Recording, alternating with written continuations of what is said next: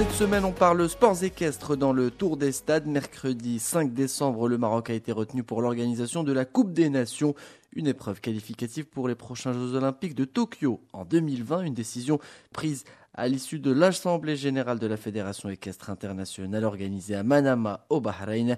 Pour nous parler de cette compétition prévue à Rabat en 2019, Badr Fakir, directeur général au sein de la Fédération royale marocaine des sports équestres, il est notre invité de ce tour des stades. Il y a eu cette euh, volonté de la Fédération équestre internationale d'octroyer cette épreuve qui est vraiment d'envergure mondiale au Maroc, euh, vu ses qualités, ses résultats, ses compétences euh, en termes d'organisation et même en termes de participation. Aujourd'hui, le Maroc est sur l'échiquier mondial connu et reconnu par les instances internationales. Et en octobre, donc Inch'Allah 2019, dans le cadre de la tournée du, de la dixième édition du Moloko Royal Tour, sera organisée l'épreuve qualificative par équipe euh, regroupant toutes les nations du groupe F par rapport au groupement olympique, donc euh, les pays, euh, les pays arabes et les pays d'Afrique, donc qui prendront part pour une qualification par équipe. Alors euh, justement, pour approcher nos, auditeurs, comment euh, se fait la, qualification justement pour les Jeux Olympiques au cours euh, de cette compétition qui aura lieu au mois d'octobre? Alors en conformité avec le règlement de la Fédération équestre internationale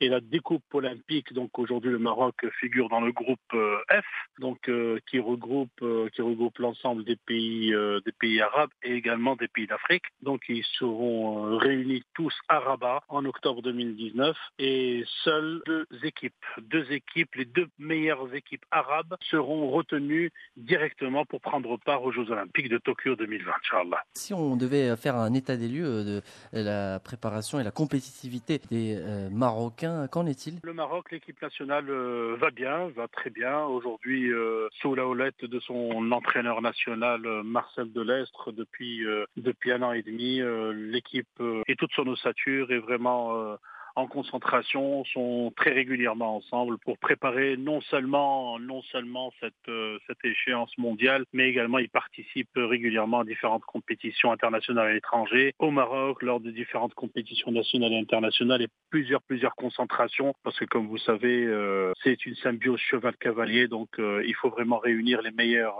couples pour être à la hauteur des compétitions pour la représentativité marocaine. Par ailleurs, lors de cette assemblée générale où le Maroc Maroc a, su qu'il allait abriter cette Coupe des Nations, euh, eh bien, le président de la Fédération royale marocaine des sports équestres, Moulay Abdallah Alaoui, a été nommé membre de la commission FEI Solidarity.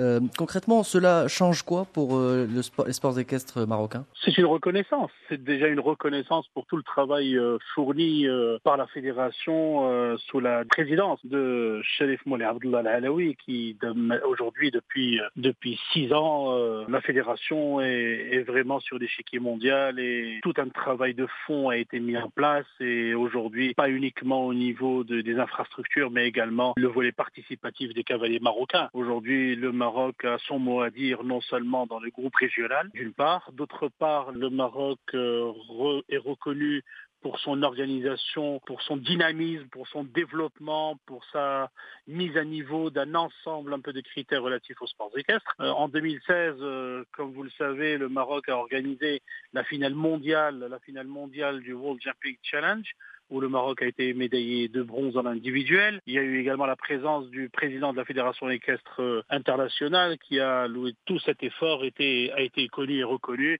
Et c'était la même année où le Maroc a été euh, élu meilleure fédération mondiale en s'octroyant le, trophée du FEI Solidarité. Aujourd'hui, c'est un travail de longue haleine. Donc il y a une, reconnaissance, comme je, viens de le une reconnaissance mondiale et à l'unanimité, euh, l'accueil par l'instance internationale l'accueil de Sherif Moulay Abdullah Al-Alawi a été, euh, a été unanime et, très très très apprécié, sachant qu'aujourd'hui tout ce travail euh, se fait euh, par passion et aujourd'hui nous sommes vraiment une nation de cheval et une nation passionnée par le, par le sport équestre. Alors une toute dernière question, Badr Fakir, elle est plus d'ordre intemporel.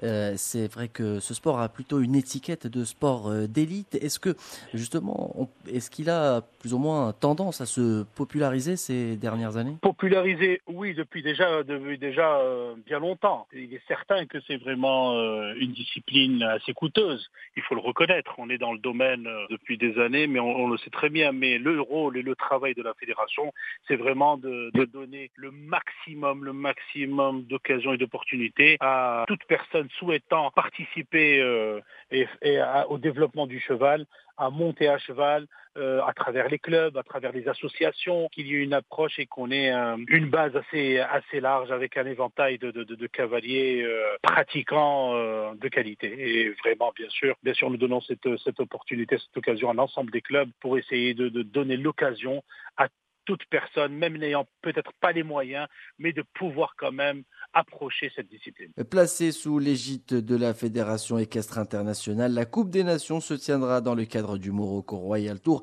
à l'étape de Rabat et s'étalera sur trois jours entre le 10 et le 13 octobre 2019.